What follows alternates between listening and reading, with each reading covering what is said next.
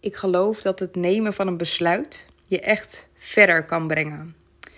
Ik geloof dat het nemen van een besluit van dit ga ik dus niet meer doen. Dus ik ga niet meer overwerken. Ik ga niet meer met klanten werken waarbij ik het niet voel.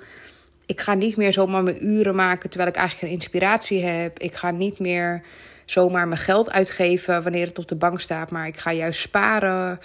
En, enzovoort, enzovoort, enzovoort. Ik weet zeker dat er dingen zijn in jouw hoofd die nu omhoog komen. Hè, groeven. Dingen die je van jezelf kent, waar je continu keer op keer inraakt. Het is nou eenmaal een feit dat. Ehm, nou, jij ook een beweging hebt die je snel. die je kent en die je snel maakt. Hè, voor de een is bijvoorbeeld een beweging om hard te gaan rennen. Waar een ander bijvoorbeeld juist sneller gaat verstillen. En het kan zomaar zijn dat jouw beweging is dat je eerder geld oppot dan dat je het uitgeeft. Of jouw beweging kan zijn dat je eerder uh, op safe speelt dan dat je een risico neemt. Hè, dat zijn allemaal bewegingen die je van jezelf kent. En jij kent jezelf het beste om te weten nou ja, wat dit bij jou betekent, waar ik het nu over heb. Ik geloof echt dat je door een besluit alleen een heel eind kunt komen. He, door het nemen van een besluit van na jarenlang bijvoorbeeld uur na uur na uur op je werk gedraaid te hebben, nu te besluiten van ik wil het niet meer, want het kost me te veel. En te zeggen dat ga ik niet meer doen. Geloof ik dat je door dat besluit kleine gebeurtenissen in een dag um, kunt veranderen. En daarmee een hele hoop kunt veranderen in jouw staat van zijn. En daarmee dus ook in jouw gezin en in jouw bedrijf. Hè? De systemen waar je ook direct invloed op hebt. Ik geloof ook dat een hele kleine momenten, een hele hoop kleine momenten, um, op, op normale dagen, ogenschijnlijk normale dagen, op lange termijn een hele grote impact kunnen hebben. Ik geloof hier allemaal in. Ik geloof echt dat een besluit je veel kan brengen. Ik geloof ook dat het het niet oplost.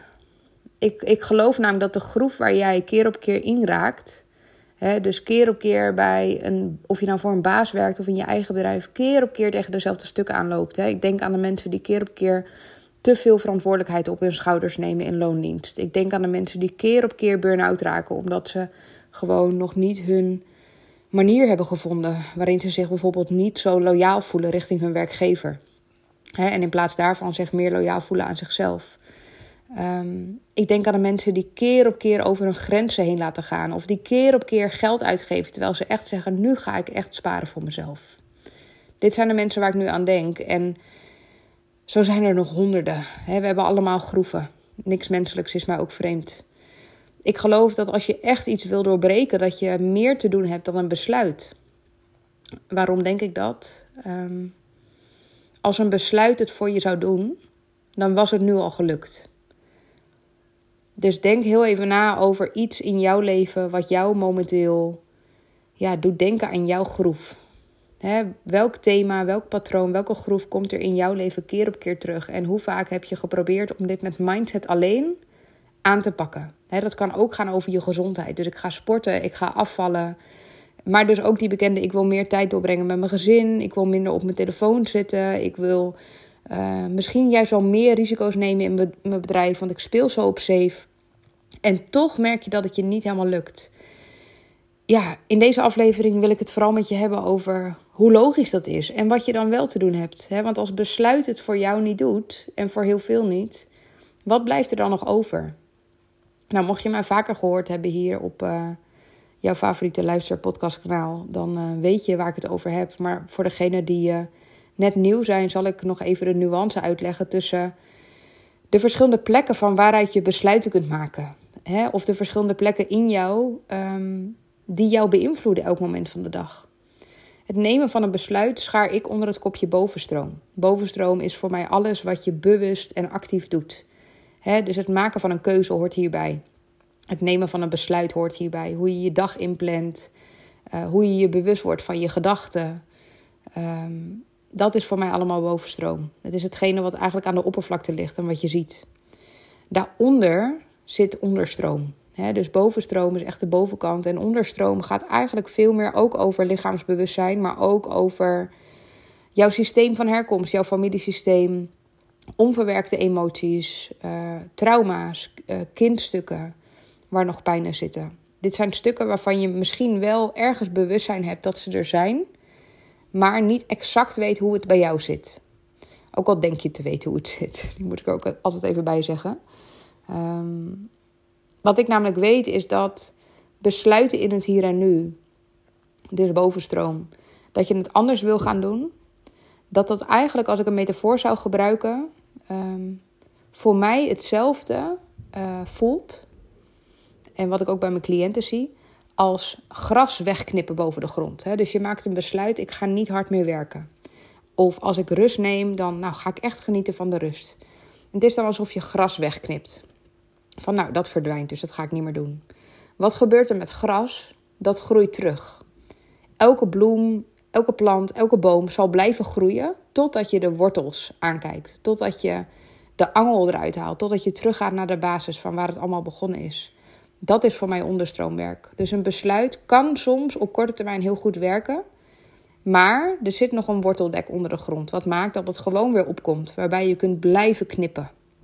Dus je zal altijd thema's hebben in je leven waar je bewustwording op zult houden. Omdat je nou eenmaal sneller in een valkuil stapt dan uh, dat je het jezelf helemaal kunt afleren.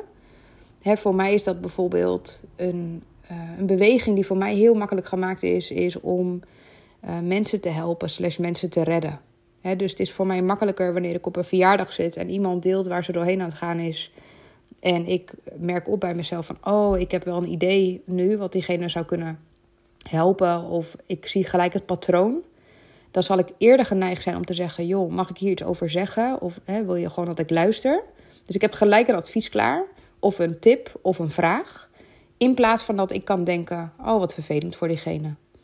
Punt die beweging kan ik niet makkelijk maken. Dus ehm, ik weet waar die vandaan komt, deze beweging, bij mij in mijn onderstroom. En dat maakt niet altijd dat het direct opgelost is. Het maakt het wel makkelijker om hem niet te maken. En dit is een beetje het stuk waarbij ik net uh, deelde van een hele hoop kleine events op een dag waarin jij nieuw gedrag laat zien, kunnen echt het verschil maken op langere termijn. Maar sommige dingen die, ja, die, die zijn gewoon zo sterk, die houden jou in zijn greep. En dat is mijn ervaring met onderstroom. Wanneer jij uit een systeem komt waarin jij je non-stop niet gezien voelde, waarin jij non-stop het idee had: ik kan het niet goed doen, ik, ik word niet goedgekeurd voor wie ik ben, ze zien me niet, je moet hard je best doen, of het nou is voor je vader, je moeder, je opa of je oma, waar het ook vandaan komt, dan kun jij met een besluit wel zeggen: Nou, ik ga niet meer zo, uh, die bewijsdrang laat ik los. Hè, dat kan. En dat kan je wellicht ook nog goed lukken in het hier en nu. Maar wanneer jij dat stuk niet hield in de onderstroom, waarbij het echt daadwerkelijk gaat over dat je je niet gezien voelt door je moeder op een bepaald moment in je leven, hè, dat is vaak ergens tussen je nulde en je zevende of achtste, dan zal die trekkracht blijven. Je hebt echt op dat moment, in, in dit voorbeeld, innerlijk kindwerk te doen. Om de relatie met je moeder te herstellen, om vervolgens in het hier en nu je anders te gedragen. dus je hoort me er vaker over, bovenstroom, onderstroom, maar ook alles waar je in het hier en nu tegenaan loopt, is ergens vervlochten met het daar en toen. Dus het gaat zelden over de bewijsdrang die je in het hier en nu voelt, bijvoorbeeld in je bedrijf. Het gaat altijd over wat er in het daar en toen gebeurd is. Als wij werken, dan, ja, misschien vraag je je wel af van, ja, maar hoe weet je dan waar het gebeurd is? want, ja, je weet het. Ook als je het niet weet, dan is het echt een feit dat er Ehm, wanneer ik jou in contact breng met je onderbewustzijn, dat er dingen naar boven gaan komen. In een opstelling komen heel vaak antwoorden omhoog van dingen die jij zelf niet had bedacht. Sterker nog, heel vaak denken mijn cliënten een beetje te weten hoe het zit, totdat we het gaan opstellen en dan laten onderstroom iets heel anders zien. Je denkt dat het bij je moeder vandaan komt en ineens staat daar je vader in de opstelling en zie je dat hij bijvoorbeeld emotioneel onbeschikbaar was, waardoor jij heel hard bent gaan werken om zijn aandacht te krijgen. En daardoor is in het hier en nu bijvoorbeeld jouw ambitie omgeslagen in bewijsdrang. En dat maakt, nu hè, vertel ik even door, dit gaat niet over jou. Dit is gewoon een voorbeeld, waarschijnlijk zit het bij jou anders. Maar dat maakt dat jouw harde werken in het hier en nu, jouw zie mij, hoor mij, erken mij, uh, kijk naar mij, kijk, zeg me dat ik het goed doe. Um, niet gaat over dat de wereld naar jou kijkt en zegt: Jeetje, wat doe jij het knap onderbewust gaat dit altijd over, in dit geval, papa zie mij. dus je kan nog honderd complimentjes krijgen van vreemden of van businesspartners of van je partner of van je kinderen of van je vrienden. Maar zolang die ene persoon, dus je vader of je moeder, van wie je het het hardste wilde horen en te weinig of misschien wel nooit gehoord hebt, zolang je het van die persoon niet hoort en je, je hield dat stuk niet, dan blijf je hard werken en dan blijf je in die bewijsdrang. Dus nogmaals, dat wat je in het hier en nu ervaart aan een blokkade, aan een beweging die je snel maakt, uh, dat kun je echt in mijn visie alleen maar helen wanneer je teruggaat naar het daar en toen. En het mooie is, want ik hoor je nu denken, misschien heb je bijvoorbeeld je ouders niet en merk je bepaalde thematieken op bij jezelf. Van inderdaad, ik voelde me niet gezien, ik voelde me niet gehoord, ik voelde me niet veilig. Maar mijn vader kan dat nog steeds niet, of hij leeft niet meer, of mijn moeder, die krijg ik echt niet zo ver. Dat hoeft ook niet. Dat hoeft niet, lieverd, want dat is het mooie aan dit werk. In de onderstroom kun je al het werk zelf oplossen. Je kunt er voor jezelf zijn. dus innerlijk kindwerk, opstellingenwerk. Daarvoor heb je letterlijk je, letterlijke familie niet nodig. het is niet dat als wij een sessie doen dat je uh, je moeder mee moet nemen. Ik zou haar zeggen, alsjeblieft niet, hoe leuk je moeder ook is. Maar dit gaat niet over je moeder, dit gaat over de herinneringen, over de trauma's, over de kindstukken, het onderstroomwerk, op de manier zoals jij het destijds ervaren hebt. Waarschijnlijk was het moment dat jij nu, ga eens terug in je leven, een van de eerste herinneringen dat jij je bijvoorbeeld gekwetst voelde door je moeder. dus je voelde je niet gehoord, niet gezien. Voel even wat er nu opkomt als ik dit zeg. Grote kans dat de dag waarop dit voor jou een heel groot trauma was, voor je moeder gewoon een doordeweekse woensdag was om 11 uur s ochtends, waarin ze een broodje voor je aan het smeren was, bijvoorbeeld dus jouw trauma-stukken waren voor je moeder of voor je vader gewoon een doordeweekse dag. En uh, dat mag en dat kan ook. Um, en het gaat ook niet om hun belevenis. Het gaat ook niet om dat je in het hier en nu alsnog de erkenning krijgt of je gelijk krijgt, bijvoorbeeld. Het is heel mooi, hè? Soms gebeurt dat. Als ik met cliënten werk, dat ze door de onderstroom waar we naar zijn gaan kijken of de opstelling die we hebben gehad, dat ze merken, ook al weten hun ouders bijvoorbeeld niet dat ze in mijn traject zitten of dat ze innerlijk werk doen, ineens raken ouders emotioneel meer beschikbaar. En dat is heel bijzonder. Dat is echt heel bijzonder. Ehm, wat je merkt is wanneer jij je eigen stukken heelt, uh, heer je, uh, of heel je vaak ook een generatietrauma. Dus stel dat er bijvoorbeeld al drie, vier generaties op rij uh, vrouwen zich niet gezien en niet gehoord voelden en hun creativiteit niet mochten ontplooien of hun grootheid niet mochten omarmen of niet in hun licht mogen staan. En jij bent de eerste die op dit stuk gaat werken in de onderstroom in jouw vrouwenlijn. Dan is de kans echt aanwezig dat wanneer jij de stukken heelt en je vrij speelt van dat stuk en het teruggeeft aan degene bij wie het hoort, en misschien is dat wel vier, vijf, zes generaties geleden, dat de vrouwen die tussen jou en die zes generaties instaan, dus jouw moeder, jouw oma, je overgrootoma, dat je daarmee ook een deel voor hun vrij speelt. En ik zeg er altijd bij: het is nooit de bedoeling waarom je een opstelling wil doen. Het gaat altijd over jou. Je kan nooit een opstelling doen om het je moeder makkelijker te maken, want zij heeft haar eigen innerlijk werk te doen. En als ze dat niet doet, dan is dat haar keuze en haar lot. Maar het hoeft niet jouw lot te zijn. dus de opstelling gaat altijd over hoe verhoud jij je tot het systeem, hoe verhoud jij je tot bijvoorbeeld die ervaring, die gebeurtenis. En wat heb je nodig? Uh, wat heb jij nodig om jezelf te geven? Of wat kun je helen? Zodat je je in het hier en nu fijner voelt. Dus als recap nog even hierover. Ik geloof zeker dat een besluit een verschil kan maken. Zeker. Ik geloof dat je mindset heel sterk is. Ik heb het ook gemerkt bij cliënten. Maar soms kan het voelen dat wanneer je een besluit neemt, dit ga ik niet meer doen, dat het alsnog voelt alsof je tegen de stroming in aan het gaan bent.